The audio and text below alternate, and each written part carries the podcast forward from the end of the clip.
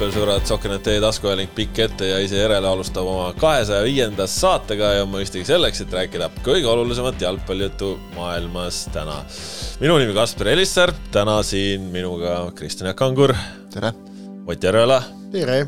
ja meil on saates mõistagi üks suur ja peamine teema, see on Premium-liiga nädalavahetus andis eh, Eesti rahvale häid uudiseid, eh, halbu uudiseid. Eh, noh, toimusid valimised, algas premium-liiga, eks igaüks saab ise valida, mis oli hea, mis oli halb.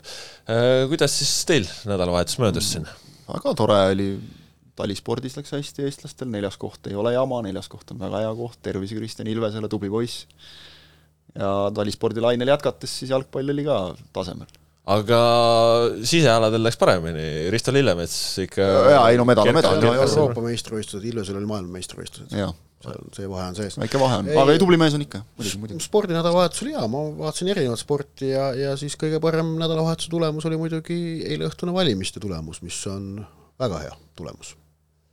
jah siis saime, saime siis aru, et mis on kellegi jaoks hea ja mis on kellegi jaoks halb. ei no aga tegelikult eh, ma arvan, valimistest võiks rääkida ka siin meie koduse jalgpalli podcasti kontekstis, et äh, valimistel nagu üks äh,, üks äh, ametis olev välisminister armastab öelda, on tagajärjed teatavasti.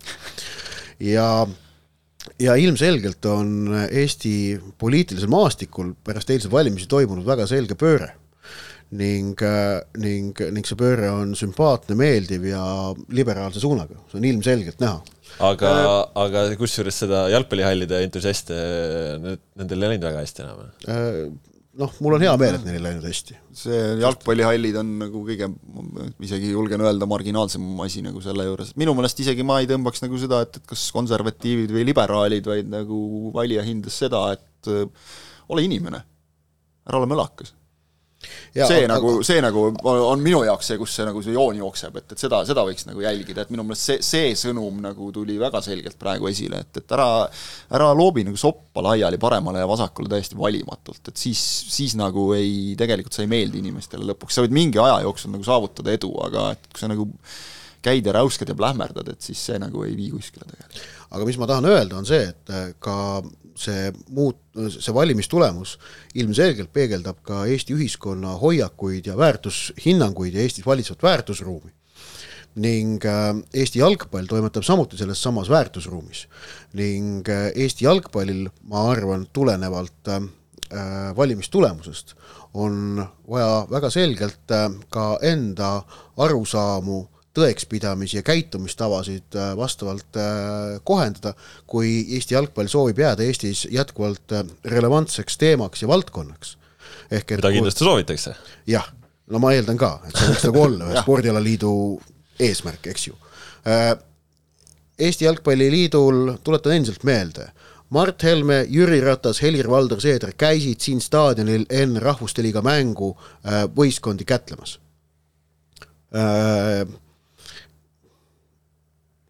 pärast seda äh, tähendab, äh, mis ma tahan öelda, et äh, selle, see on väga selge seisukohavõtt ka Jalgpalliliidult oli see.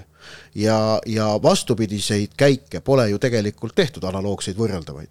okei okay,, nad võivad öelda, et pole olnud võimalust, aga ma arvan, et pole olnud ka siirast tahtmist no meil siin tulemas kodumäng Belgiaga näiteks, see on ju väga selline euroopalik vastane, kus Eh, no, tuua no, kätlema euroopalikud poliitikud. ma, ma arvan, et eh, Jalgpalliliidul, kellel noh, on siin olnud ju selged sümpaatiad Isamaa ja EKRE ja Keskerakonnaga, seal ei ole mitte mingit nagu põhjust äh, seda, seda nagu salata, selle, selle koalitsiooni sündimise üle Jalgpalliliidus oldi ju õnnelikud Jalgpalliliidu juhtkonnas äh,.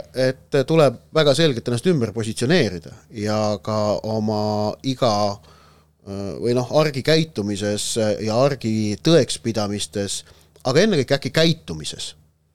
Äh, ikkagi väga selgelt ümber äh, või väga selgelt aru saada äh,, kuhu äh,, millisesse väärtusruumi ja milli Eesti nüüd kuulub ja mil-, milliseid äh, tegusid peetakse aktsepteeritavateks ja milliseid mitte.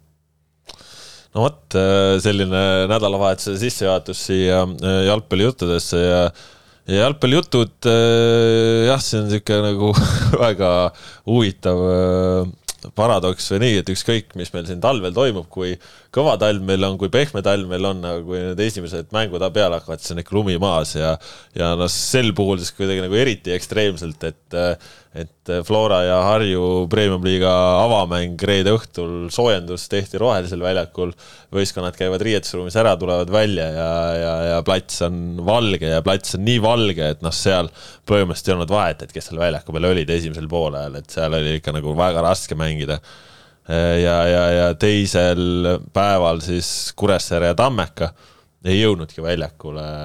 lumetorm, suur tugev tuisk, väga vali tuul, mis noh, Saaremaal tõesti ei, ei oleks lubanud seal ma ei tea, alustades sellest, et reklaame paigaldada, kuni sa oleks väravaidki püsti saanud korralikult. et jah, kuni seal, ma ei tea, operaatoreid kuskile posti otsa panna, et see oli reaalselt ohtlik, noh, see on nagu videoklippe vaadates et aga no jah, esiliigas ei mängi ära, esiliiga B-s ei mängi ära või noh, korrektne on vist öelda, et lükati edasi. Ära jäänud, aga eks ole, Tallinnas, Pärnus noh, ei, me ei saa nagu öelda, et Kuressaare on noh, ekstreem, sest et vahel ta on, eks ole, ikkagi nagu seal saarel aga mis siis on? enamasti, enamasti on tegelikult ju Kuressaare kõige pehmema kliimaga Just. koht, et, et, et see on nagu et seal ju, mis aasta see meil oli, kui me mängisime, eks ole, mängiti esimene voor lükati üldse edasi, teine voor oli nii, et mängiti hallis ja halli te-, tees siis veel. Ja, ja Kuressaares sai ju mängida väljas ja äh, hallis mängiti, mäletan, miks toona vägisi alustati, see oli, kui ma ei eksi, see oli ETV lepingu esimene aasta. Mm. -hmm, ja, ja siis oli noh, noh tegelikult oli see, et äh, Jalgpalliliidu juhtkond oli see, et noh, me ei tohi kaotada mänge ETV-s, me alustame ETV-s ja sellepärast viidi mängud halli, mis mille vastu nad tegelikult olid kogu aeg ju ise just, rääkinud olnud, ja olnud ja, ja siis, ja põhjus... söödi, siis söödi enda sõnu ja, ja hallis võistlusmänge pidada ei tohi ma olen selles väga veendunud, see ei ole, vähemalt mitte sellises hallis nagu selles meil... hallis, just. oleks meil selline hall, nagu ütleme, on soomlastel või, või isegi nagu vist lätlastel, eks ole, kus on nagu korralik kõrge katus, eks ole, aga meil, kus ta hakkab kohe küljejoone kohalt kaarduma ja kus no nagu uued hallid on natukene ka teistmoodi, uutel ei ole see, noh praegu ju Lilleküla halli probleem ongi see, et külg, külgede pealt on, on ta lähedal. no pluss on see, et tähendab, kui, kui hall on selline, kus sul on olemas noh, ütleme ikkagi sellised nii-öelda staadioni tingimused, ehk et sul on olemas küljetribüün, tribüünid ja no oleme ausad tõesti, et selline piisav kõrgus ikkagi igal pool väljaku kohal, et, et see, kui pall tabab katust, on tõepoolest noh, õnnetu juhus ja erand, mitte reegel, siis võiks äh, mõelda hallis mängimise mängime, peale. mängime hallis, mängiti eile ju esiliiga B-d, et, et noh, selles suhtes see minu meelest täiesti nagu normaalne. seal ongi, seal on rada ja, kõrval ka. seal on ruumi, seal on kõrgust, seal on kõik, eks ole. hallis mängimine ei, ei ole lahendus äh,. nii äh,, nüüd, nüüd tuleb rääkida siis sellest, et äh, miks Eestis alustatakse märtsi alguses meistrivõistlustega Äh, on, on tegelikult ikkagi äh, ju tingitud FIFA kalendrist päris otseselt. Äh, niikaua, kuni Eesti jalgpallikoondise liikmetest arvestatav hulk tuleb Premium-liiga klubidest ja, ja ma ei näe ausalt öelda, et see olukord oleks teab mis kauges etteulatuvas tulevikus väga palju muutumas, sellepärast et ka Premium-liigas pakutav palgatase ja üleüldine see noh, pakett, mida Eesti tippklubid pakuvad, on Eesti mängijate jaoks ka piisavalt äh, sümpaatne, et nad igale poole niisama enam välismaale ei jookse, nagu me näeme ka seda, et no näiteks Soome kõrgliigas praegu mitte ühtegi Eesti jalgpallurit ei mängi, mis oli varem selline väga selge sihtpunkt äh,. Ehk et äh, kuniks arvestatav osa koondisi tuleb äh, Premium-liigast on ju noh, tundub väga loogiline, et mängudega tuleb alustada enne märtsikuu koondise pausi, sellepärast et muidu peaksid arvestatav hulk koondislasi minema vastu koondise mängudele, kus jagatakse valiksarja punkte ja mille kaudu Eesti jalgpalli edu lõpuks defineeritakse, on see, kas meeste A-koondis suudab midagi teha või mitte, peaksid minema treeningmängude pealt. ajasin täna ühe tuntud spordidirektoriga sel teemal veidikene juttu, äh, ta, ta, ta, tõi välja kehtiva spordidirektoriga? jaa, äh, ta on ikkagi töötav spordidirektor, jaa. Äh, ta, ta, ta, ta tõi välja, et, et et aga kui need, nende märtsikuu võistlusmängude asemel oleksid Floral, Paidel, Levadial treeningmängud, noh näiteks Lilleströmi, RFS ja selliste nii-öelda meie piirkonna tippklubidega, et kas see ei aitaks valmistada, noh, ma võtsin vastu, aga punktipinget seal ju ei ole, no ühesõnaga arutasime, vahetasime mõtteid.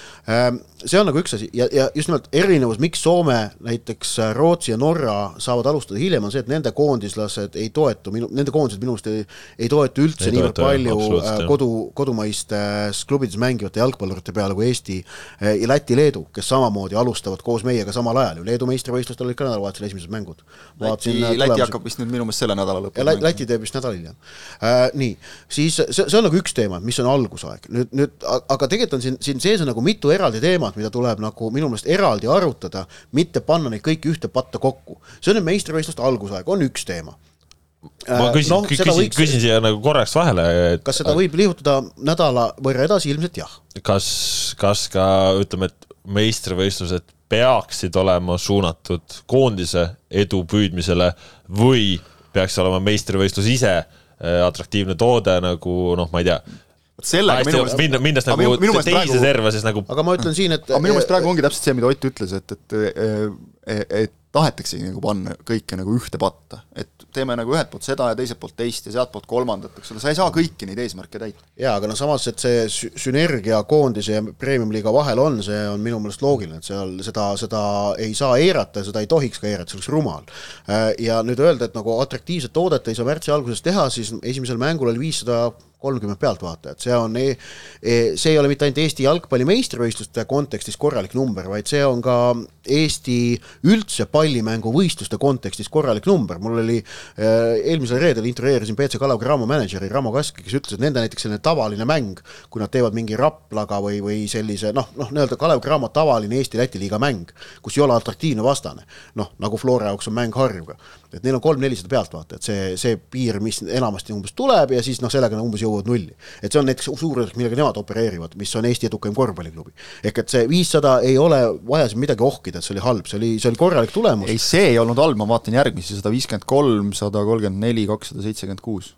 Äh, kas tehti tööd? on no. alati võimalik küsida, aga, aga, aga okei okay., et eh, noh, ja, ja, ja teine asi, mida on ka aeg-ajalt pakutud, et, et miks, kas, et premium-liiga võiks olla nii-öelda eraldiseisev asutus, nagu on Soomes Veikkausliiga või nagu on ka noh, Inglismaal Premier League näiteks ja, ja on ka mitmetes muudes riikides, siis oleme ausad, ma ei näe reaalselt, et Eestis oleks see hetkel tehtav, sellepärast et need kümme premium-liiga klubi ei ole piisavalt kompetentsed sellist asja äh, juhtima. kui me võtame kümme premium-liiga klubi, paljudel on olemas äh, selline kompetentne juhtimissüsteem koos äh, kompetentsiga ka, ka noh, arendada ja, ja, ja hallata säärast suuremat üksust. näha laiemat, näha laiemat pilti peale iseenda, eks. jah, ma arvan, et noh, et äkki pooltel oleks, aga pigem ei see ei ole reaalne. Ja lisaks oleme ausad, äh, premium-liiga toimib väga palju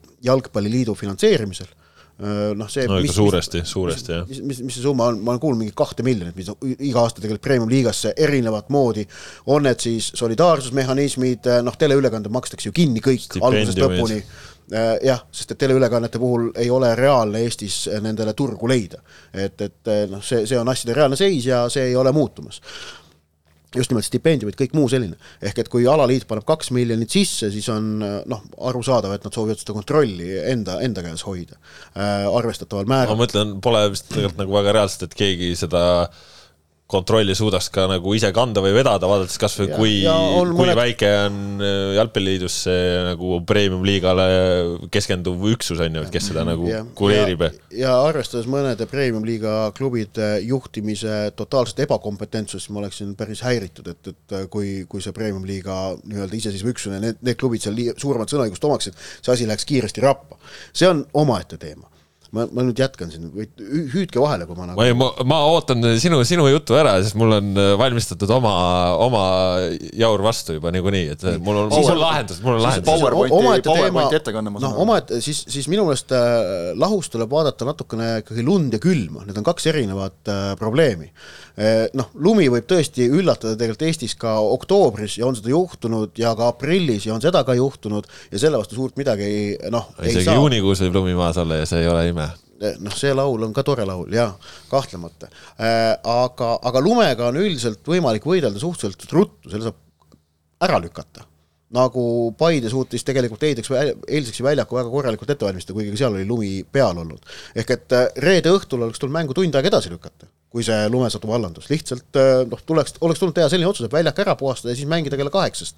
ilmateade ilmselt näitas ka, et, et sadu vaibub Ähm, et lume, lumeprobleemi saab lahendada niimoodi, aga külm ilm on siis tõesti äh, noh, asi, kus, kus tuleb nagu ikkagi panna paika ilmselt mingisugused mõistlikud piirid, et need siin just nimelt ja need piirid sõltuvad, äh, peavad olema kuidagi öelda loogilises sõltuvuses sellest, mis on konkreetne taristu, mida selle mängu jaoks kasutatakse. ehk et äh, feels like äh, miinus kümme Šveitsis korralikul staadionil on mõnevõrra teine asi kui feels like miinus kümme Paides või Kuressaares Need on, need on erinevad asjad lihtsalt mm. -hmm. ja, ja need mõjutavad ka seda konkreetset sportlikku sooritust. ja nüüd üks asi, mis ma veel tahan öelda, on see, et kindlasti asi, mis on vale ja mm, mis äh, ma arvan, siin nädalavahetusel noh, kõik saame aru, see toimus Jalgpalliliidu poolsel survestamisel, on mängukohtade muudatused. kui mängu ei saa pidada ettenähtud ajal selles kohas, kus ta peaks toimuma, siis seda mängu lihtsalt ei tohigi pidada. ehk et see, et praegu Paidelt võeti ära suvisel ajal kodumäng ja pandi, äh, sunniti neid praegu mängima pühapäeval kodus Narvaga, see ei ole normaalne see, et Tabasalu mäng koliti Tabasalult ära ja toodi Sportland Arenale, see ei ole normaalne, miks Tabasalu pidi kodumängust ilma jääma praegu? Nad jäid kodumängust ilma, see hävitab Tabasalu jalgpalli kogukonda, ma arvan, et äh, tegelikult, tähendab, vabandust, see ei hävita, äh, see võtab ära võimaluse seda natukene tugevdada, sest Tabasalu no, kogukond on hea. ehk et kui mängu vägisi ju ei võeta, klubid peavad ju selle nagu kuule, sa no, tead, hakka, ja, sa tead küll seda, kuidas see käib, see klubi, klubid on nõus, muidugi sa oled nõus, kui sulle öeldakse, et umbes, et kui sa nõus ei ole, siis me lihtsalt viime selle sinna, et noh, see on ju, see on seda me ma ei, ma ei kõik on, kuuleme nagu iga kord seda ka, et kuidas nagu kõik on nõus selle talvel mängimisega, et kõik ei, ma räägin, ma räägin, ma räägin mängu, mängu vahetamisest, selles mõttes, et ega ju, ega ju see Paides mängimine ootaski ju, jalgpalliliit oli selle ju enda jaoks oli selle varem läbi mõelnud, et oleks vaja Paides mängida, aga viimasena oli vaja Paide kinnitust, et, et Paide on nõus oleme ausad, Paidet suruti rämedalt. Ja sellist surumist ei tohiks olla. jah, muidugi sa oled nõus. jalgpalliliit see on seesama jutt täpselt see, et, et kõikidele hullult meeldib, vaata praegu, mismoodi nagu reageerivad. ei, ma ei arva, et kõigile hullult meeldib. Ma ei räägi sinust praegu, mida sina arvad, selles mõttes ma räägin sellest, mida kogu aeg meile räägitakse, et, et kõigile väidetavalt kõik on õudselt nõus sellega, et alustame kuskil hangede keskel ja kõik on nagu super arust pole keegi, mitte keegi räägi praegu nagu inimestega ja vaata, kui palju sellel nädalavahetusel, kui paljudele meeldis see, mismoodi nagu alustati, kui, kui väga meeldis näiteks nagu toome lihtsa näite, nagu väga meeldis Tammekale see, et, et tõusti, ma ei tea, mingi viis kolmkümmend, hakati seitse kolmkümmend sõitma, sellepärast et väljas olid väga hullud ilmaolud, muidugi sa hakkad varem minema, eks ole, sõideti Virtsu ja siis sõideti sealt tagasi, sellel päeval sa ei mängi, sa ei tee trenni, sa, sa ei saa normaalset puhkust, kogu see režiim on nagu selles mõttes pea peale löödud. Noh. reede õhtul reede õhtul ma... oli tormihoiatus oli tegelikult antud Kuressaarele. reede õhtul, kui ma pärast Flora Harju mängu fuajees intervjuudeks äh, mängijaid ootasin, siis osad mängijad mõlemast võistkonnast, nii Florast, Harjust tulid sisse, rääkisid omavahel äh, fraas, mis kõlas üle selle koridori. see ei olnud jalgpall ja see ei, ei olnud jalgpall. ja kui me räägime nagu praegu sellest, et kuidas me valmistame sellega, mis on nagu ideaalis, ma olen täiesti nõus kõige sellega, kuidas me valmistame mängijaid sellega koondiseks ette, kõik on ju loogiline, selles mõttes tõesti oleks nagu väga jabur minna trennide pealt, treeningmängude pealt ainult koondisega mängima. aga probleem on selles, et meil on siin vähemalt üks koondislane, kes nagu sai silma järgi otsustades kohe avamängus üpris tõsise vigastuse sellel väljakul ja vähemalt noh, minule tundus, et, et osalt ka selle tõttu, et ta lihtsalt libastus tõesti ehk Markus Soomets, kes, kes läks väljakult ära, eks ole, tõesti ma väga loodan, et see vigastus ei ole tõsine ja ta on kohe varsti tagasi. ja, ja mida õpib, mismoodi sa nagu valmistud sellise mänguga, nagu oli see esimene, esimese vooru mäng, mida, milleks sa nagu nii väga valmistud sellega, sa, sa harjutad püstijäämist seal ennekõike. selles on ju probleem. Ja, ja kui me räägime nagu seda, et äh, lumi võib maha tulla, muidugi võib maha tulla, sa Ott panid ka ise pildi siin, kuidas ka Bundesliga-s on mängitud lumega, ainukene häda on see, et seal on see erandjuhtum kui me alustame märtsis, siis võib-olla meil on eelmistel aastatel vedanud sellega, et meil on märtsis olnud head ilmad või vedanud sellega, et, et meil detsembrisse saab välja minna, aga üldiselt meie laiuskraadil on see ikkagi reegel, et, et sellisel ajal on sedasorti ilmad äh,. Siin ma nüüd muidugi vaidlen vastu, kui me hakkame kokku lugema lumemänge Premium-liigas viimastel hooaegadel, ei ole reegel erand. ma ei räägi isegi sellest, et lumi nagu sajab, ma räägin sellest, et on külm ja, ja suhteliselt ma ütlesin, nagu jällegi, kaks erinevat asja Aga..., külm ja lumi no.. lumest ärme, lumi ei ole probleem tegelikult, lumi on okei okay,, nõus, nõus. seda, no see on tõesti, eks ole, erand selles suhtes, et, et kui on selline no. ilm, nagu oli see tahate, ma võtan kogu selle teema ja probleemid lahendan ära no,? väga no, lihtne proov. lahendus on, kuidas Nii. me saame äh, selles mõttes, et selle olustiku kas, normaalseks. kas see on vähemalt sama hea kui see Järvela paari saate tagune, et ei, see on parem, see on nagu päriselt hea, see on nagu päriselt hea, see on päriselt hea. selles mõttes, et fakt on see, jalgpalli mängitakse aastaringselt. See, see on, seda mängitakse, isegi kui jalgpallurid praegu ei võistleks, nad treeniksid ikka, noh, see käib asja juurde. mis on probleem, minu jaoks kõige suurem probleem, kõige suurem probleem on see, et premium-liiga mõistes asiotaaži aeg, see, kus on liiga kõige suurem tähelepanu, ehk selle algus ja selle lõpp on väga kasinates tingimustes, ehk siis praegu hooaeg algas meil niimoodi, meil on lumine, hooaeg lõpeb meil nii, et meil on lumi, no meil on näide see Flora Levadia tiitlilahing, meil on näide siit eelmisest äh, nädalavahetusest. ehk siis probleem on see, et sel hetkel, kui liigal on kõige suurem tähelepanu, kus sul on võimalik inimesi püüda, kus reaalselt otsustatakse asju, on tingimused kehvad. ja ma nägin äh, statistik Mati Kesavälja ja jalgpallifänni üht mõtet, mille peale ma hakkasin täna hommikul nagu pikemalt mõtlema. unusta ära sügis-kevad süsteemi. miks? mõttetu. miks on sügis-kevad, see lahendaks kõik Eesti jalgpalli probleemid. ei, sellepärast et kahe hooaja äh, ütleme, normaalse faasi vahel oleks meil ikkagi kaks pool kuud aega ju. ei, miks? Millal? no detsembri keskpaigani mängid ja millal alustad uuesti, veebruari keskpaigas, siis on kaks kuud vahet. praegu, vaata, äh, praegu on äh, see teema, et me me oleme selles rütmis, kui me mängiksime äh, kevad-sügis asemel sügis-kevad, et me oleksime täpselt samasuguses rütmis täpselt samasuguses rütmis, lihtsalt äh, meie hooaja algus oleks ilusate ilmadega ja meie hooaja lõpp oleks ilusate ilmadega. see, see on ebaloogiline põhjusel, et see lõhub ära, tähendab äh, praegu ikkagi äh, Äh, on, on loogiline see, et enamasti mängitakse hooaeg läbi sama võistkonnaga suures plaanis, keda suvel võib-olla natukene täiendatakse. aga siis äh, toimuks hooaja keskel väga pikk paus, mille keskel hakatakse võistkondi uuesti üles ehitama. ei, aga see ju, sellega sa ju, sa muudad praegu, ütleme seda, mis, mis, mis on praegu järjest, ütleme, kui me mängime sügis-kevad formaati karikavõistlused meil toimivad niimoodi, karikavõistlused meil juba mängitakse, kogu Euroopa mängib sisuliselt sügis-kevad formaati, välja arvatud umbes kaheksa riiki. Soome, Rootsi, Norra, Läti, Leedu, Eesti, noh. No, no, Island, suht, suht nagu sarnane põhjus neil kõigil. On, aga. on siin, on siin vaja jalgratast leiutama? ei, aga, aga miks see on jalgratta leiutamine? ütleme praegu, kui me alustame liigaga, näiteks juulis, alustad juulis lõpetad mais, talvel niikuinii on paus. talvine paus jääb mängijatele endiselt selleks puhkusajaks. praegu Sloveenia kõrgliiga, kolm kuud oli pausil kolm kuud oli talvel pausil, nüüd läheb võistlus edasi. Äh, ma, ma, ma ei ütle, et peaks kolm kuud pausil olema, aga kui me niikuinii mängime detsembrikuuni, okei okay,, läheme edasi siis märtsis Läheme edasi siis märtsis, seal ajal vahepeal on kuu aega periood, kus mängijatel on puhkus ja siis käib see samasugune ettevalmistus, aga meie lihtsalt läheme äh, siis äh, ütleme kogu äh, või suure osa Euroopa jalgpalliga samasse rütmi.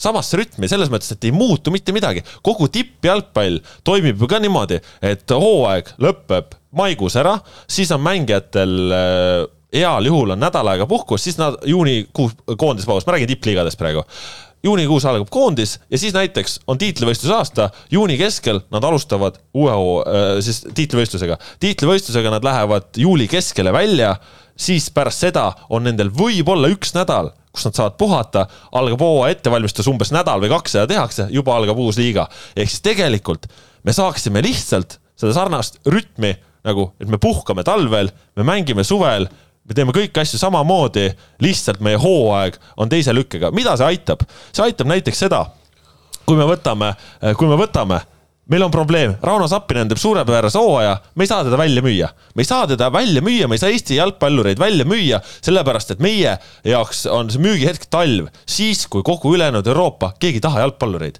keegi ei taha talvel osta jalgpallureid, talvel sa teed hädakäike ja siis ongi, Eesti jalgpallurid lähevad kohtadesse, kus A sa, sa lähed äh, midagi päästma, ehk siis klubi on väga halvas seisus, sa lähed sellisesse kohta või siis B, sa lähed mingisuguseks noh, semivarumeheks, sa lähed kuskil poole hooaja pealt, sa ei tee nendega korralikku ettevalmistust, sa oled kuidagi lülitud sinna sisse, siis sa pead hakkama midagi päästma, asjad ei tööta, ikka on pekkis nagu no ma ei tea, ma ütleks, kui sa mängumees, oota, kui sa mängumees oled, siis sa saad nagu suvel ka välja, minu jaoks ongi praegu see küsimus, ootan. aga siis on... sa saadki suvel välja minna, kui sa teed normaalse hooaja ära, lõpetad ära normaalses rütmis, liitud normaalsel ajal, me... kui kõik komplekteerivad võistkonda, sest talvel ei komplekteerita võistkonda. me üritame praegu nagu arutleda või üksteist üle karjuda, kumba me teeme praegu no proovi arutleda. ma proovin nagu, mul tuli see mõte praegu pähe nagu, et et, et kui me siin räägime hetkel ka nagu koondise jaoks nagu selleks, et peaks varakult varustama, selleks, et koondise jaoks mängijad oleksid valmis, siis kohe tekib mul selle süsteemiga see, see küsimus, et äh,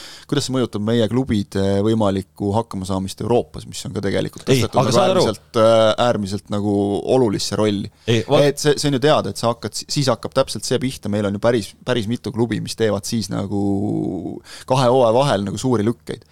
ehk et sa võtad nagu kohe neilt Äh, neilt mingisuguse trumbi ära. see on üks osa sellest kompotist, ma saan aru, et see on üks tahk ainult, aga ei. ma, ma lihtsalt toon nagu ühe näitena selle ja, ja just ongi, vaata, vaata praegu ongi mõttelaadi, mõttelaadi vahe on see, kui sa mängid äh, sügis-kevad formaati, see ei tähenda, et sa mängid äh, septembrist aprillini, see ei tähenda seda sa mängid täpselt samamoodi, nii nagu sa mängid praegu, lihtsalt sa diferentseerid selle hooaja lõike, et kui ta on praegu nii, siis sa liigutad tas edasi. ehk siis juulis sa hakkad mängima samal ajal sa, sa oled juba valmis nende euromängus, juulis sa hakkad mängima ja sul lihtsalt äh, suvel paus jalgpallist, suvel paus jalgpallist ongi see nädal aega jaanipäeva ajal, kus sa niikuinii puhkad.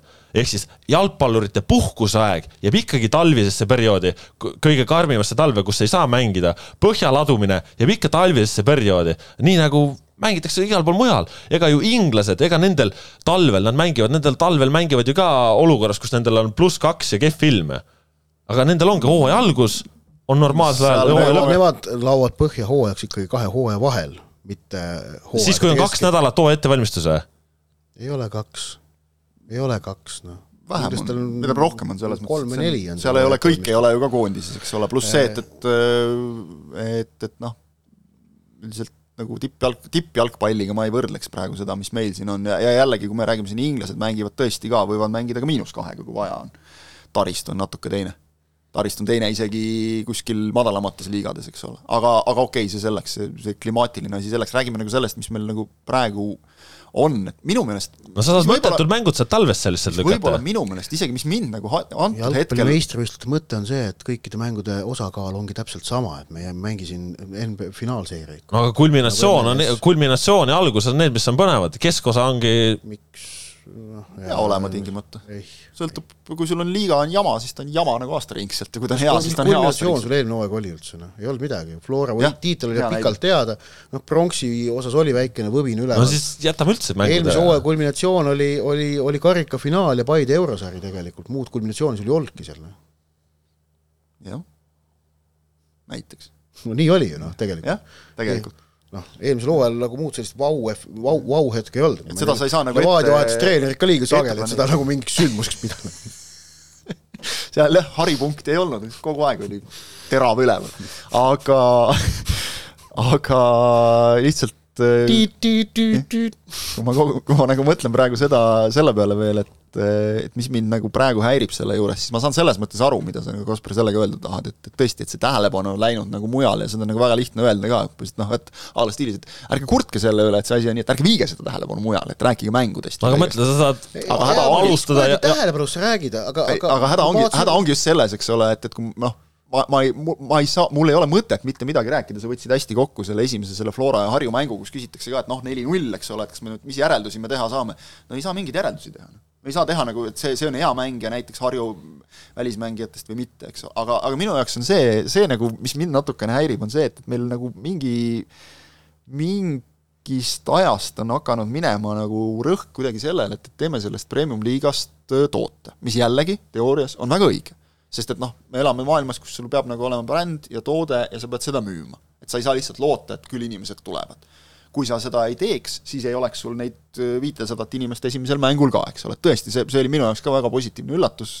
hea atmos-, hea atmosfäär. hea atmosfäär, väga tore, eks ole, kõik, kindlasti suur osa oli selles, et oli ka selles mõttes nagu ligitõmbav vastasseis, et valitsev meister ja siis uustulnuk, kes on siin tekitanud nagu väga positiivset furoori, eks ole, kellel on ka väga nagu vinge, vinge fännigrupp, vähemalt praegu alguses, loodame, et, et püsivalt ka, aga aga see just, et, et nagu see, see tootearendus on minu meelest nagu jäi tootest ees praegu natukene, et, et see, kui sa paned nagu punase noh, ütleme siis nagu ma ütlen nagu päris räigelt, et kui sa paned nagu selle punase vaiba maha, mis oli siin avavooru kõikidele mängudele, paned nagu fotoseina ette, tulete nagu kuskile sinna noh, ma ei tea, glamuursele no ongi, kui sa teed seda hangede vahel, siis ongi lappes, aga kui sa teed seda kahekümne kraadiga. ei, aga maks on selles, et sa tuled glamuursele filmi esilinastusele nii-öelda, eks ole, ja siis noh, piltlikult öeldes on see, et, et noh, keegi ei oota siit mingisugust Oscarile kandideeriva filmi kvaliteeti, eks ole, aga noh, sulle nagu lubatud nii-öelda sellist head, korralikku tasemel Eesti filmi ja noh, piltlikult öeldes reedel nagu see, noh, näidatakse kaheksa millimeetrisel indi pealt mustvalget Ida-Saksa pornograafiat, et noh, see nagu ei noh, need ei lähe kokku, mis sa arvad, kui mitu inimest siis nagu veel tuleb, eks ei no ma räägingi ma ütlen, et see punane vaip ja see fotosein äh, ülemmängudel jällegi toimisid, et probleem oli just nimelt see reede-õhtune see lumi. no probleem on see, et ma ütlen ka see, et ideena on hea ma..., aga kui me alustame nagu sellega, et, et mingid mängud tõstetakse kuskile ümber, siis sa nagu ootad, et, et kas need, kas see meeskond mängib kodus või ta mängib ikkagi võõrsil. No, probleem on see, et kui me alustame nii kehva ilmaga, et see nagu ma ütlen, mul ei ole võimalik oma sõpru meelitada staadioni jalkat vaatama praeguses ajas, nad lihtsalt, keegi ei taha tulla, keegi ei taha tulla, ma ise ka ei taha minna, kui ma ei pea tööd tegema, ma ei taha minna ma ei taha minna, sest mul on seal vastik olla ja ma, ma olen jalgpallientusiast nagu, mulle läheb see väga hingena. probleem on sinu meelest siis see, et tähendab, et selle, selle aja, kui kui sa ei taha sinna minna, et mängima peaks, aga ei tohiks mängida meistrivõistluste esimesi mänge. miks? mis seal vahet on, millisel mängid, kaal on kõigil sama ju no,. see, et Levadia kaotas eile punkte, see on täpselt sama hinna, kui nad kaotaksid vaprusele punkte juulikuus. kaal on, aga, aga selles mõttes, et nagu asjataaži tekitamise mõttes sa... asjataaž on tekitatud, Kalju kaotas punkte, Levadia kaotas sa punkte sa tekitad, aga sa ei saa nii lihtsalt inimesi nagu staadionile, kui sul on soe ilm, sa saad sinna kolm tuhat inimest sellele avamängule. unusta ära, no elu sees ei saa noh, ma ei, ma tegelikult ma ei saa üldse aru, mille pealt sa selle ajal nagu jaurama hakanud. See nagu ma ei näe ma... mõttel mingit mõtet ausalt öelda ja ja, ja sel plaanil tähendab. ja, ja, ja mul oli lihtsalt mõned asjad, ma tahtsin hoopis veel rääkida, et, et, et kõik kurat, kus mehed on ette valmistanud, mul ei ole Excelit ega midagi, sellepärast ma istun nii vaikselt siin kogu aeg. vaja, vaja, vaja mõelda lihtsalt nagu nurk, nurk, nurkade alt, mida ei ole nagu seni mõelnud. kastist väljas mõtlemine on äge, aga lihtsalt ma nagu näen, et sa jooksed praegu vastu kasti seina. on siis see, et et äh, arutelus tuleb võtta äh, tõsiselt ja üldse pidada mingilgi moel äh, asjasse puutuvaks ainult neid tegelasi, kes ei valeta iga inimene, kes räägib kolmenädalasest suvepausist, valetab. sellist asja ei ole. ja pole olnud ka. see on jah miskipärast mingi vale arusaam. see, see, ei, see on... ei ole vale arusaam, see on valetamine no,. ja, ja ma lisaks. see, see on sihiteadlik valetamine, see on pahatahtlik valetamine. koondise paus ei lähe arvesse meistrivõistluste pausil, see on täiesti jalgpalliloogikaga. ma ei ole kindel, et kõik nagu ma, mõtlevad ma lisaks siia juurde. Premium-liiga kalendrit ja ütlevad, et näe, auk on sees. sügis-kevad mängides ei oleks ka kolmenädalast suvepausi. nii, ja li-, aga samas nüüd jällegi ja. asi, mille Jalgpalliliit peaks ära tegema äh, väga selgelt. Premium-liiga klubid hakkavad juba nüüd äkki sellest sügisest, noh, uus karikavõistluste hooaeg pole alanud, Premium-liiga klubid alustavad karikavõistlusi üks kuueteistkümnendik finaalidest. Täiesti piisav, ehk et äh, sügisel mängivad Premiumi liiga klubid kaks ringi, ilmselt siis noh, september-oktoober ja veerandfinaalid, poolfinaalid, finaal. Sellest täiesti piisab. ei ole vaja Premiumi liiga klubisid sinna esimestesse ringidesse loosida ja, ja see on ka jällegi jalgpalliliidu juhtkonnal tuleb aru saada, et nende mingisugune unistus sellest, et et see annab karikavõistlustele võlu, et seal madalama liiga satsil on võimalik Premiumi liiga satsiga vastamisi minna, kui see on karikavõistluste ainukene võlu, siis neid karikavõistlusi äkki nendel madalama liiga satsidel tegelikult vaja ei ole aga miks meil karikas on sügis-kevad formaadis?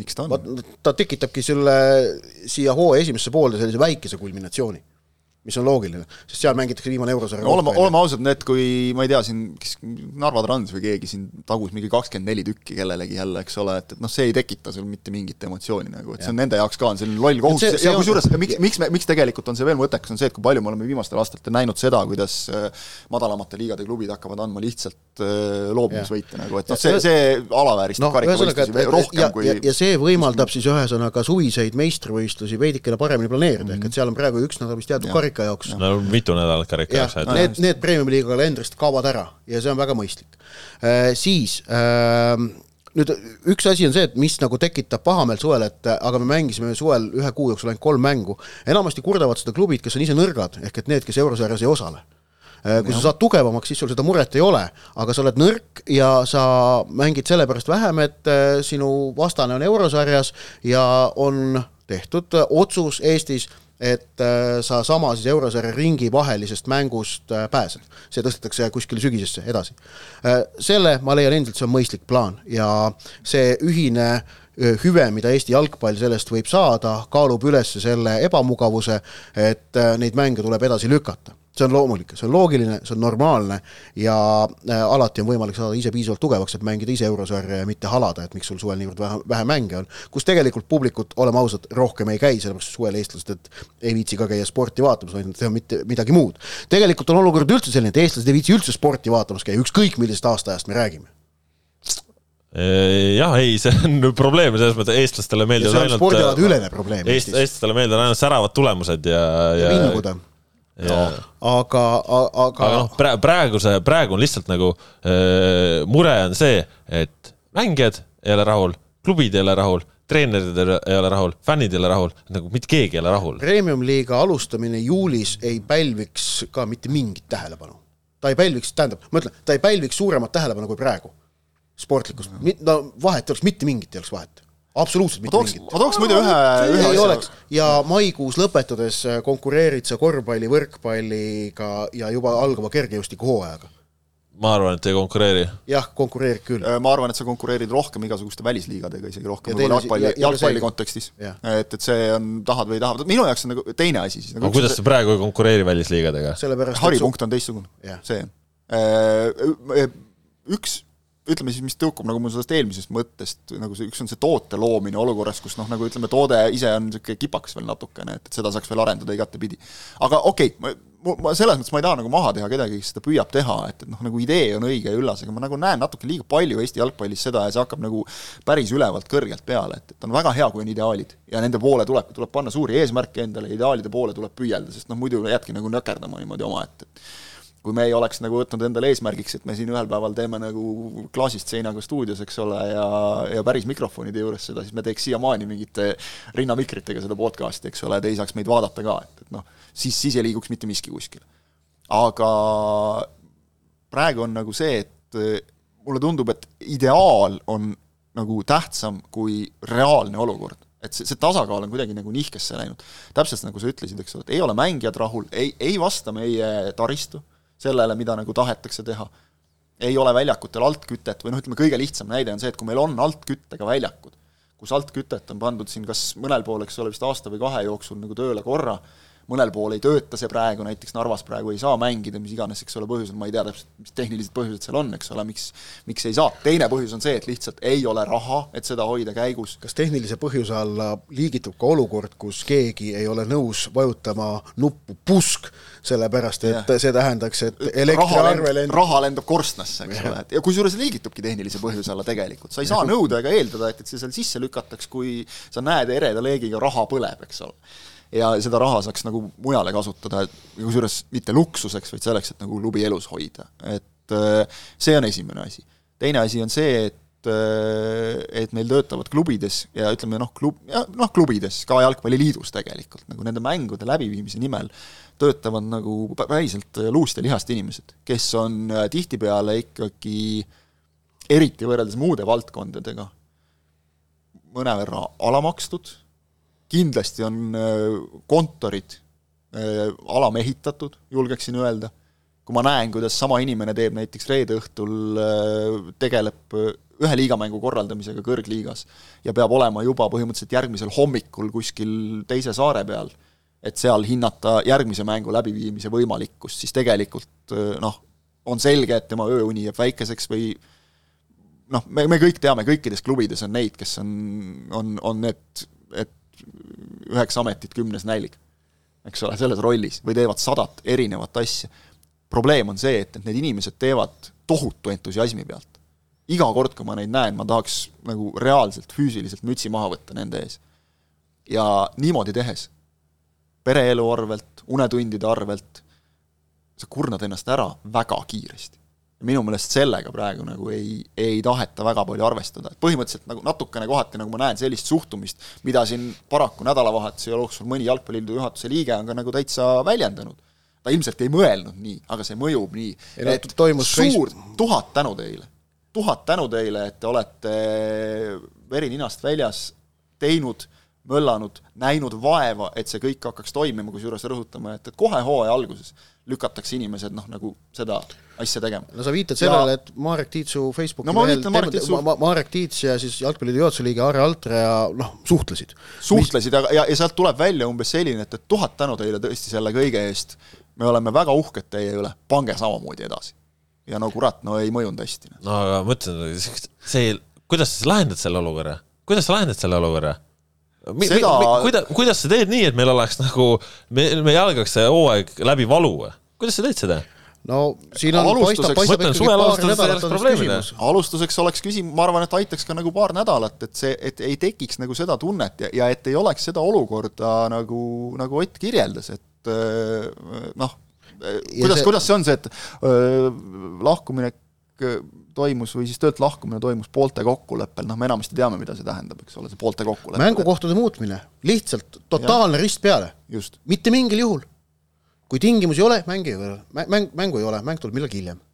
Äh, see, see asi paika panna. ja mu meelest tasuks olla oluliselt paindlikum ka selles osas, et kui ikkagi nagu kõik märgid näitavad, et, et järgmisel päeval võiks nagu olla väga raskendatud mängu läbiviimine. olgu need siis öös, öised miinustemperatuurid või ennustatav tormituul või midagi, et siis ikkagi see, see otsus võiks nagu langeda natukene varem kui ütleme, mõned no, tunnid kui... enne mängu algust. meil oli siin nädalavahetusel oli olukord, kus äh, Nõmme United jõudis välja panna oma algkoosseisu, oma Facebooki. ja siis pärast seda natukene pidi tegema uue postituse, et mäng jääb ära ikkagi et vaat selliseid asju nagu ei tohiks olla ja need koosseisud lähevad enamasti üles noh, umbes tund enne mängu. et see, seda, seda peaks nagu kindlasti aga kuidas sa saad äh, normaalse tõsiseltvõetava liiga hooaja alguse, kus liiga algab nii, et sul mänge ei ole ja sa lükkad kõik edasi ja jätad ära?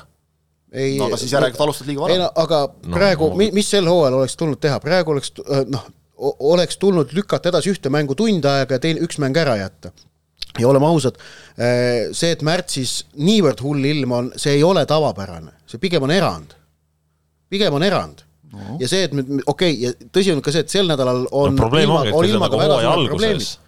väga, noh, väga suured probleemid on ilmaga ja siin tuleb ka ilmselt mänge ära jätta ja tuleb seal julgelt olla. ma, ma tahaks ühe asja veel, mis tagasi tulla, et vaata, sa ütlesid ka, et näe, Aare Altre ja suhtles Marek Tiitsuga, et see oli selles mõttes väga minu meelest tervitatav, et jalgpalliliidu juhatuse liige äh, astus dialoogi jalgpallikogukonnaga. ei, seda kindlasti, selles osas äh, ma ei ütle midagi. jalgpalliliidu juhatuse liikmetest, kes seda veel teevad.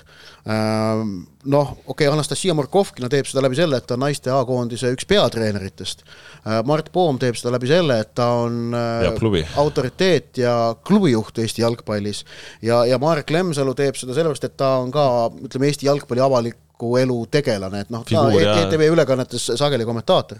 aga, aga Jalgpalliliidu juhatuses on väga palju liikmeid, kes ju avalikkusega üldse ei suhtle ähm, mis toob mind äh, selle noh, noh, mis, mis, mis on äh, probleem tegelikult. mis tõi äh, mulle meelde selle asjaolu, et, et, et kui tahetakse, et Jalgpalliliidu juhtimises midagi muutuks, siis tuleks ikkagi muuta Jalgpalliliidu põhikirjas juhatuse valimise korda, kus praegu on olukord see, et kes valitakse presidendiks, ja presidendiks valimiseks on sul viiskümmend protsenti pluss üks hääl vaja, saab tegelikult panna paika saja protsendi ulatuses endale meelepärase juhatuse.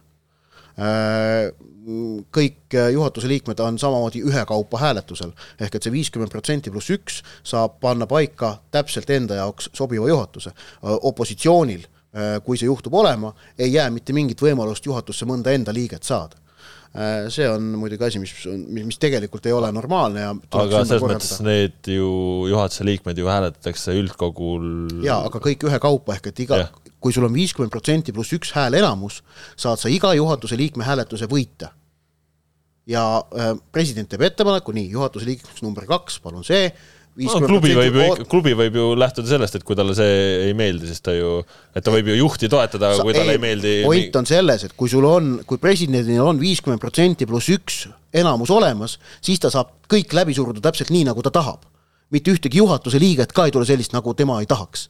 seal peaks looma opositsioonile väga selge võimaluse, et, et ka neil kindlasti, ütleme näiteks, et juhatuses vist on neliteist liiget või et pooled äh, valitakse nii nagu praegu, ehk et äh, president teeb ettepaneku ja kas kinnitatakse või mitte, ülejäänud pooled äh, mis... avatumatudel valimistel. see aga... tekitaks rohkem hääli, rohkem erinevaid hääli ka Eesti jalgpalli tippjuhtimisse, mis omakorda, ma arvan, aitaks lahendada ka kõiki neid asju, millest me siin viimased pool tundi rääkinud oleme. aga mis opositsioonist sa selles mõttes üldse räägid Eesti jalgpalli kontekstis, et kui me vaatame no, millal oli viimati. sa Pohlakut kaitsed praegu? ei, ma ei kaitse, ma küsisin, millal oli viimati vastaskandidaat või millal me nagu üldsegi jõudsime sinna, et oleks olnud või hääletusel on kolm vastuhäält, noh. ja, ja ei, opositsiooni ei ole, sellega no. ma olen nõus, aga noh, ütleme nii, et tekit-, tuleb tekitada esmalt selleks, et opositsioon jalgpallis ja jalgpalliliidus tekiks ja noh, parem on see, kui see opositsioon on konstruktiivne, mitte EKRE on ju, äh, siis äh, äh, noh, EKRE tüüpi moodustis, siis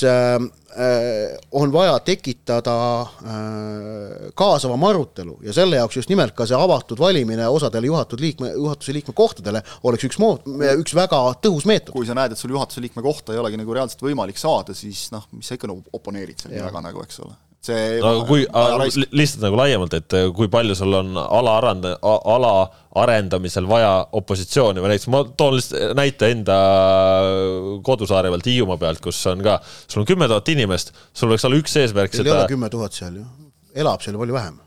no kümme tuhat on elanikke ametlikult. aga koha peal tegelikult elab? no pff sõltub, suvel elab rohkem, talvel vähem, noh.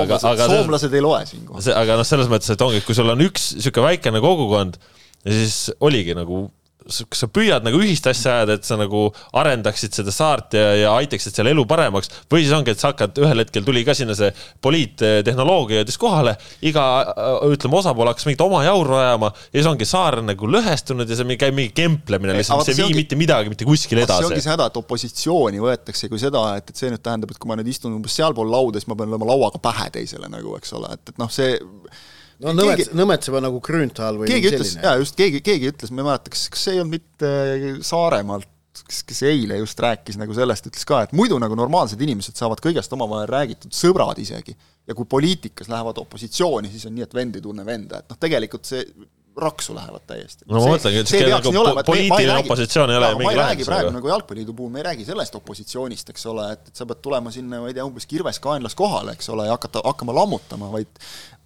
edasiviiv konstruktiivne kriitika, et no aga ütleme, võta, võta, võtame kui nagu teist... kui sul on nagu väga palju nagu ütleme niimoodi jah-inimesi nagu koos, siis see ei vii küll mitte. aga võtame nagu teistpidi, näiteks no Paide linnameeskond on ju mm. -hmm. valimist oponeerib väga, väga edukalt, kui vaja. valimistel see... ju toetavad Pohlakut, aga ütleme, et Veiko Veskimäel on alati ideid ja arvamusi, millest on ka reaalselt mõjutatud, ma ei tea, nii võistluste juhendid kui, kui mingeid muid asju, on ju. see on Jalgpalliliidu jaoks ikkagi, ma arvan, see on Jalgpalliliidule halb ja kahjulik, et äh, Paide linnameeskond ei ole Jalgpalliliidu juhatuses esindatud. ja et ma nagu tajuks nagu ikkagi seda, et no,, et ja, miks nagu, nad ei peaks olema? ma nagu tajuks no, seda, et kui sa tuled täpselt nagu see Paide näide on hea näide selles suhtes, et sa tuled nagu ikkagi sellise noh, nagu, nagu vähemalt konstruktiivse aruteluga, nimetame seda siis kriitikaks või milleks iganes, et, et siis nagu ikkagi kuidagi see, see vibe on nagu õhus, et, et noh, umbes noh, et jätke nüüd rahule, et küll me teame, mis me teeme muidugi täpselt see klubide, klubide kaasamine see klubide kaasamine, noh muidugi sellega on natukene see, eks ole, et, et sa pead nagu ise, klubi pool peab ka mõistlik olema, et, et sa nagu, nagu Ott enne ütles, eks ole, see, et, et ei saa nagu klubidele seda anda, sest seal hakkaksid väga paljud nagu ainult mingit oma rida ajama, et noh, seda ja. oleme väga palju näinud nagu, eks ole, kuidas räägitakse, et kuidas tuleb liigasüsteem tuleb ümber teha ja siis ei, no, saad aru, et see tuleb ümber teha selle, selle klubi heaks, kes seda räägib. neljast, neljast tippklubist äh, Nõmme Kalju ja FC Levadia on hetkel olukorras, kus ma ei tahaks neid näha mingeid olulisi otsuseid Eesti jalgpallis tegemas, ma arvan, et neil ei ole selle jaoks äh, kompetentsi ega vastutustunnet Levadial Paide linnameeskonnal Floral on. Levadial praegu, eks ole, on oma kontoriga üldse probleemid ja, ja Kaljul, noh, me oleme sealt kuulnud kogu aeg, eks ole, just selliseid asju, mis nagu sobiksid väga hästi Kaljule, aga noh, mis ütleme, okei okay,, neid võib ka väljendada, eks ole, sest nad mõnes mõttes esindavad nagu, ütleme siis, on esindanud Euroopas mängivaid Eesti klubisid, aga sellest ei saa nüüd nagu lähtuda nii, et, et hakkame, hakkamegi nagu asju tegema, et okei okay,, käige ideid välja ja ma ütlen, kui me räägime siin opositsioonist, siis see on ka tegelikult selles mõttes nagu kasulik opositsioon aga, aga, aga oponeerimine ei pea minema nagu mingite isiklike solvanguteni jällegi, et, et noh, see, see nüüd, see on nüüd selline lihtsalt, ma ei tea, siis ärme nimetame poliitkultuuriks, nimetame lihtsalt nagu elementaarseks kultuursuseks omavahel suhtluses. seda on nagu olnud mõlemalt poolt ju tegelikult, eks ole, nii, nii kui tulevad nagu mingid eriarvamused, nii hakatakse kohe nagu isiklikult omavahel kiskuma, no keda, keda see aitab? aga mis me teeme siis, et äh, inimesed Eesti jalgpallis oleksid õnnelikumad ja, ja meil nagu liiga toimiks paremini ja eestlased saaksid välismaale ja koondis mängiks hästi ja eurosarjas oleksime tublid, et mis me teeme tuleb siis? jätkata, ei noh, praegu on selle, selle hooaja puhul tuleb jätkata, noh, kalender on paigas, siin Ma- midagi, midagi ei muuda. viime kirikusse küünla, on minu aga, soovitus. aga küll aga tuleb teha siis otsuseid, et, et noh, et otsuste lähtepunkt peaks olema see, et ühe, ühtegi mängupaika ei muudeta ilmastikutingimuste tõttu, vaid mäng jah, lihtsalt jäetakse ära, kui seda mängupaigas ei saa pidada ning ärajätmise otsuseid, nagu siin sai ka vist paar nädalat tagasi öeldud või, või, või äkki ma ütlesin mõnes teises saates, aga et äh, nendega tuleb olla julge, ehk et ei tohi ma saan aru, et see pää-, see päästab meil ei tohi läbi ära. hinna, iga hinna eest äh, mänge pidada, mis on olnud Eesti jalgpallis äh, läbi aegade üldiselt pigem komme. Päästab, ei no ta, ta, see on lihtsalt see, kuidas see praegune hooaja algus tuleb, tuleb läbi elada.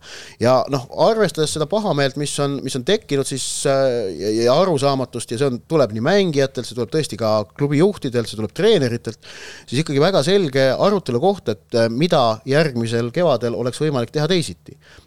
kas äh, noh, no näiteks kas, kas nädal aega hiljem alustamine, no oleme ausad, märtsis see võib sageli päris palju muuta. alustame ikkagi suvel siis. ei, no seda ei juhtu ja, ja ma olen kindel, et seda ei juhtu ja see on väga hea, et seda ei juhtu, see ei ole hea mõte. kas alustad nädal aega hiljem, kas, kas tõesti mõelda äkki sellele, et äh, märts sisustada rahvusvaheliste treeningmängudega, ma arvan, et selle kohta ütleb Toomas Häberl, et unustage ära. ja, ja et noh, see ei ole hea plaan. Või noh, see, see on üks variant või noh, mis siin, mis siin veel on, noh jah, jah, aga mõned asjad, millega aitaks äh, seda, et et mängude survet, miks me peame praegu siin nädala keskel näiteks seda vooru mängima, et miks ei võiks olla suvel, et kui seal suvel seda karikanädalavahetust ei oleks, saaks see voor suvel vaat, need nädalasisesed voorud, need on minu meelest üks koht, kus nagu saaks nagu natukene suve poole või ütleme, ilusamate ilmade poole nagu nihutada seda asja. ja alustame, me märtsi, alustame juba mitmendat, märtsikuul argipäeva õhtused mängud, kas Jah. neid on vaja? me alustame juba mitmendat hooaega nagu, okei okay,, alustame varakult, hea küll, aga nädalavahetuseti. Et, et kui me ikkagi praegu siin peame, eks ole, mängima, vot see, see nagu kella kaheks päeval või isegi kella neljaks nagu pärastlõunal sa suudad ikkagi staadioni ajada noh, nagu normaalsesse seisu, ütleme kergemini, ma mõtlen ka just seda, et, et meil on ju palju neid, kus ei ole kütet all, eks ole. Aga aga teha seda nagu hilisõhtul, kus tõesti nagu on juba külm ja vastik ja, Ja- pärast tööpäeva lõppu, et ma nagu ei näe, et et see, see, see nagu kuidagi aitaks tõsta ei mängu kvaliteeti nagu, ei seda noh, toodet kui sellist. et noh, näiteks praeguse ilmaga, mis praegu väljas on, sellega on jumala normaalne oleks mängida mm -hmm. noh, oleme ausad, no väga normaalne ilm mängimiseks, noh, kui väljak on puhas ja noh, ilm, miks ta ei peaks olema. aga noh, ka, et kui laupäeva õhtul ma vaatan, et Pärnus on mäng üheksateist kolmkümmend, Vaprus Kalju. aga miks, miks ei võiks see mäng olla kaksteist null null? hoopis oh,, ei no väga palju inimlikum kellaaeg sellisel noh, jah, varakevadisel ajal mängimiseks. miks mängida õhtul pimedas, kui on, kui on päikeseloojangu tõttu on ka juba selgelt nagu külmem, mitte, mitte mängida kell kaksteist seda mängu näiteks, siis noh, kell viis saab veel alustada, see Kalju Kalev oli kell viis, see oli okei okay.. ma ei, laupäeval ise olin seal. noh, ei, see oli ju viisakas, seal ei olnud midagi häda. jah, normaalne et sellised nagu tegelikult on siin natukene siit-sealt säti-, seadistada ja kogu see asi muutuks nagu äh, mõistlikumaks. Ja- ja ütleme, et- aga, et aga nagu ka see- karjuda selle peale, aga ma ei ole nõus sellega, et et eh, noh, need, need, kuradi maklaköörid, kes mind närvi ajavad, ongi need, kes jauravad, et kolm nädalat pausi suvel, see on vale. Mitte on- kuskil mujal, et, et tähendab, lumega mängitakse ainult Eestis, see on vale. et ärge valed, valede kaudu hakatakse agendat ajama, siis lähen mina närvi, vaata. ei jah, selles mõttes, et ega ilm on nagu on, et ega tõesti nagu mängitakse igal pool lihtsalt noh, ma ütlen praegu kuidagi see, see nagu fookuspunktid on nagu kehvad, et noh, ei ole mitte keegi ei ole õnnelik, lihtsalt mitte keegi ei ole no õnnelik. selles oleme me vist kõik nagu ühel meelel, et ei no aga keegi, keegi ei ole rahul fookuspunktid, sellega noh, otseselt. räägime siis mängudest ka, kaks väga Jaa. ägedat null-null viiki oli nädalavahetusel.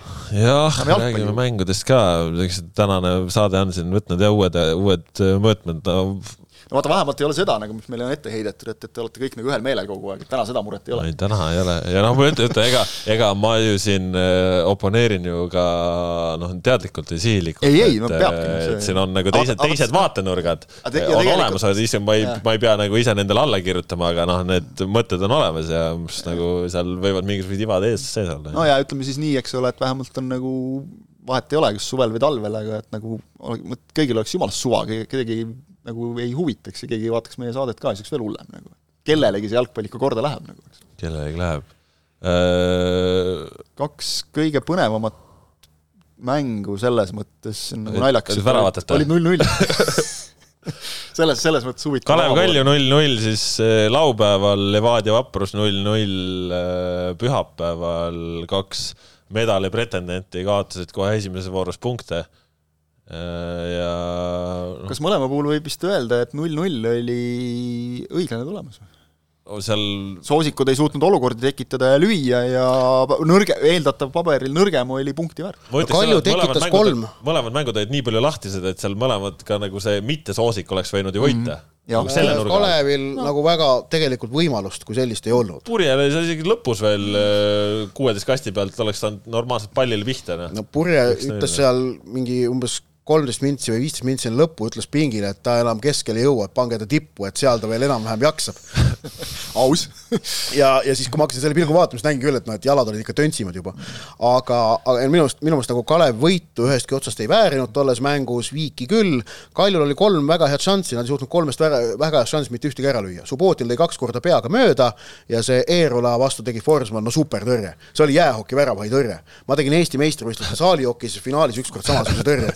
kaks tuhat kaks kevadel äh, Kristiine spordihallis, lisaajal mul on meeles, me olime üks-null ette jäänud äh, sa romantiseerid eh, minevikku ja praegu. ei no samamoodi, vaata ta, Eero, Forsman sirutas vasaku käe välja niimoodi, jalg väljas, niimoodi läks. ma läksin samamoodi, summutasin Eesti koondise ründaja löögi ära selle kohaga siit. daamid ja härrad, Eesti oma Al Bandi on siin teie. siis, kui mina nelikümmend aastat tagasi. kõigest kakskümmend üks. no küll sa aga räägid kahekümne aasta pärast sama juttu, selles mõttes siis on nelikümmend üks. selles mõttes on muret ja siis on aga, nelikümmend aga, aga et noh, minu meelest, a- aga null-null oli selles mängus nagu jah, Kalevi poolt teenitud, teenitud tulemus, et äh, väga, Kalevi puhul oli silmatorkav see, kuidas nad ikkagi kogu oma taktikalise skeemi väga distsiplineeritult, väga pühendunult, väga hoolikalt ja ka targalt ellu viisid. ehk et äh, just nimelt äh, välditi, noh vaata, outsideri puhul sageli on see, et kui sa jääd surve alla, sul hakkavad, juhe jookseb kokku, kõvakettal saab ikkagi noh, ruum otsa ja sa hakkad tegema rumalaid otsuseid. Kalev suutis seda suuresti vältida ja see ei võimaldanud Kaljul survet peale saada. ehk siis Kalevi puhul ma ütleks, ei midagi üllatavat.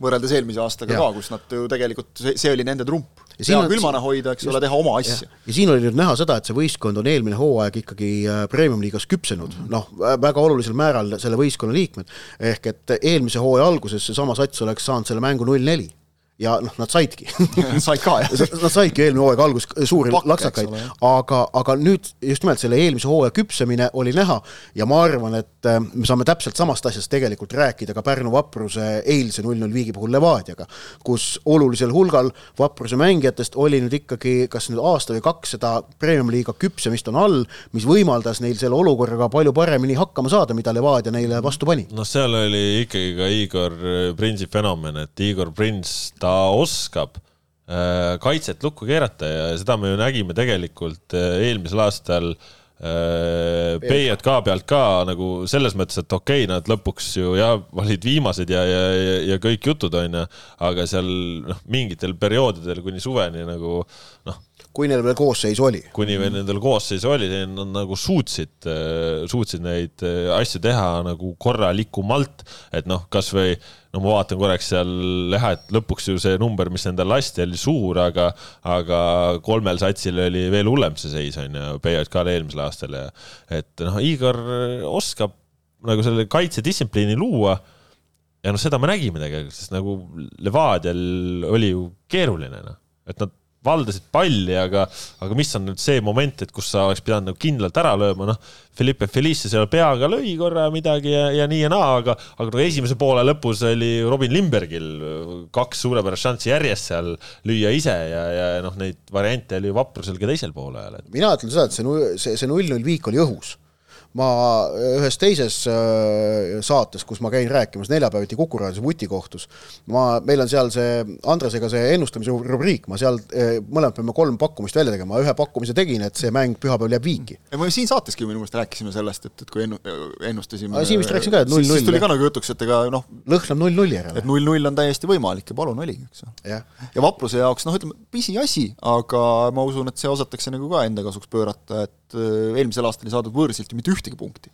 ei no see nüüd on kohe esimene käes, eks ole, et, et see, ikka oskab nagu ehitada jah. sinna peale kuidagi. see, et Kalju ja Levadia kaotasid praegu esimeses voorus äh, äh, tabeli tagumisse otsa punkte, on nüüd äh, idee poolest homseid ja ülehomseid, vabandust, ülehomseid kohtumisi silmas pidades oleks nagu suurepärane intriig, tõsi, noh, see, kas Paide-Levadia mäng toimub, eks see, eks see selgub jooksvalt, et noh, Kalju Flora mängitakse kindlasti, Sportlandil mängimisega pole probleeme. Jaa, aga noh, Paide-Levadia, see praegu ma arvan, Paidele, kes, kes võitis, noh, nii nagu arvata võis, et ega kergelt nagu Narva Trans neile midagi ei anna, aga, aga selles mõttes Paide jaoks oli oluline see võit, et, et ei olnud see superkarikas nüüd nagu ainukene selline sähvatus, eks ole, arvestades, kui kehvas seisus nad enne seda tundusid olevat. et, et noh, nüüd vaikselt on nagu liigas ka hakatud vundamenti ehitama, selle pealt praegu nad läheksid hea meelega Levadia vastu, kellel on juba võidukohustus sest kui sa praegu, ütleme, kaotad, siis on, oleks vahe Paidega juba näiteks hoobilt viis, eks ole. ja noh, sõltuvalt teise mängu tulemusest võiks, võiks olla ka, ka Floraga näiteks siis viis. aga noh, Paide Trans oli ka selline, seal noh, mõlemal olid oma šansid Paide jäi siis ühest väravast ka ilma, Varr on nüüd siis ametlikult esimest jälg... korda tänase saate jooksul mainik, kusjuures ma just Varr... tahtsin välja, välja tuua, mul enda peas oli mõelda, me pole kordagi veel maininud. aga me ei ole nüüd..., me ei ole ka mängudest rääkinud, vaata. ei no jaa, aga, aga, aga see, et me oleme tund aega oleme saadet teinud, mis me oleme? tund aega peaaegu. tund aega oleme saadet teinud ja me pole Eesti jalgpalli ajaloo neljast esimesest võistlusmängust, mis Varriga peeti, mitte kordagi sellest aspektist rääkinud, näitab, kuivõrd edukalt tegelikult praegu Varri lansseerimine esimesel nädalavahetusel toimus jah, ja siin äh, seda ka, et kui siin arvata, et kui palju see VAR siis äh, aega hakkab venitama ja värki, siis noh, löödi numbrid kokku.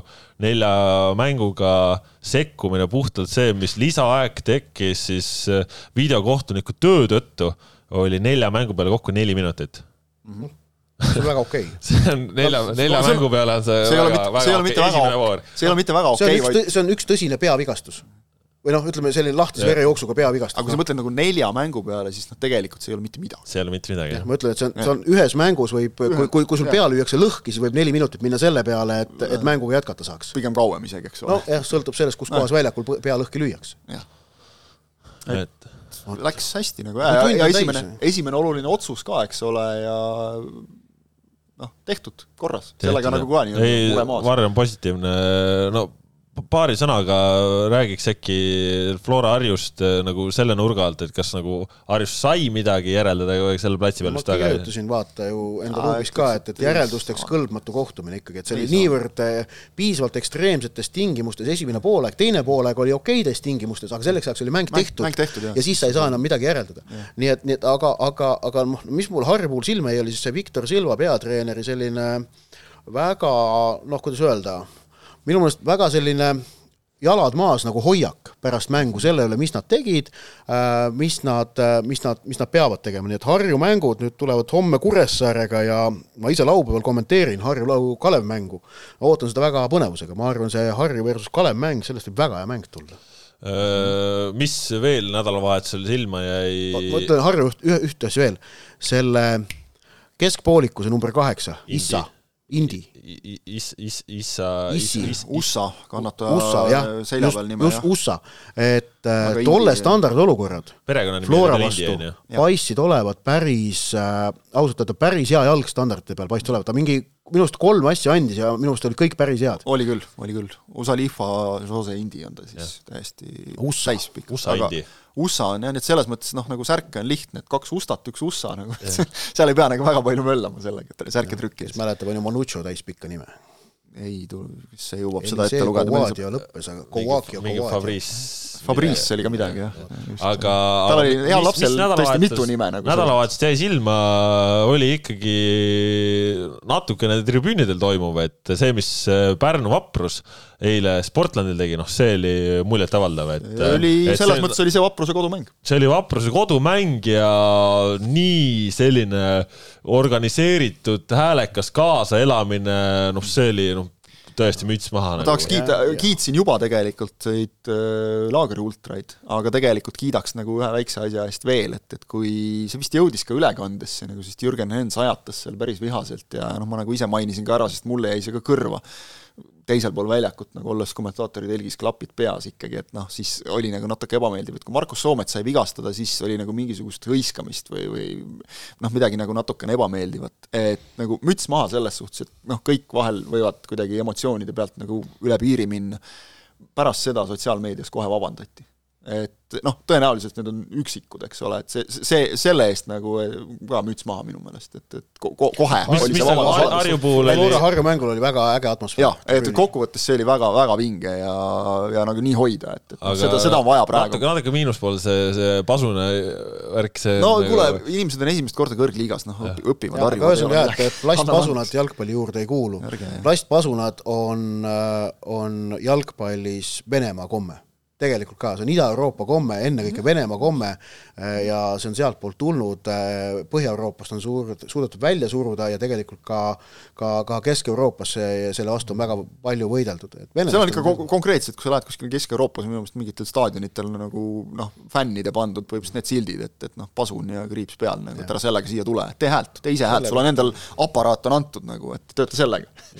kuigi Vaprusel oli siis positiivne mingi trompet või mingi asi ei, see on teine asi, kui pasunakoor tuleb, see on teine asi juba, siis, siis tehke nagu profilt. plastpasun on see, mis on keelatud. ma saan aru praegu selle külmaga nagu noh, selle päris pilliga on võib-olla Harju, ohtlik Harju fännidel oli see mingi megafon ka kaasas, sealt kohati tuli sellist nagu noh, teksti, mis nagu ei no möga muidugi jah, megafoniga aetaksegi möga, aga oli selline mõnus vutimöga, et, et Jaa, no, ei häirinud, pigem noh, pani kõrvu kergitama, ahah, niimoodi öeldakse. Megafoni Väga okay. ainukene miinus saab olla see, et vahel megafon satub vale inimese kätte, see, aga seda saab, ma arvan, fänniseltskond ise see on sättida. korrigeeritav. seal oli, seal oli hästi. aga seal sel ei, ole vaja neurokirurgilist sekkumist. aga sel nädalal siis idee poolest äh, peaks tulema kaks vooru teisipäeval juba siin Kure-Harju, no Kuulbetis vaadates Kuressaare on siis sats, keda ma ei ole näinud, Kuulbetis Kuressaare võidukoefitsient üks koma kolm, Harju võidukoefitsient kaheksa koma neli ehk siis äh, ja Viik on seal viis pool praegu, ehk siis nagu Kuressaaret peetakse väga suureks soosikuks, kui see, kui see mäng toimuma saab. Tammeka Kalev,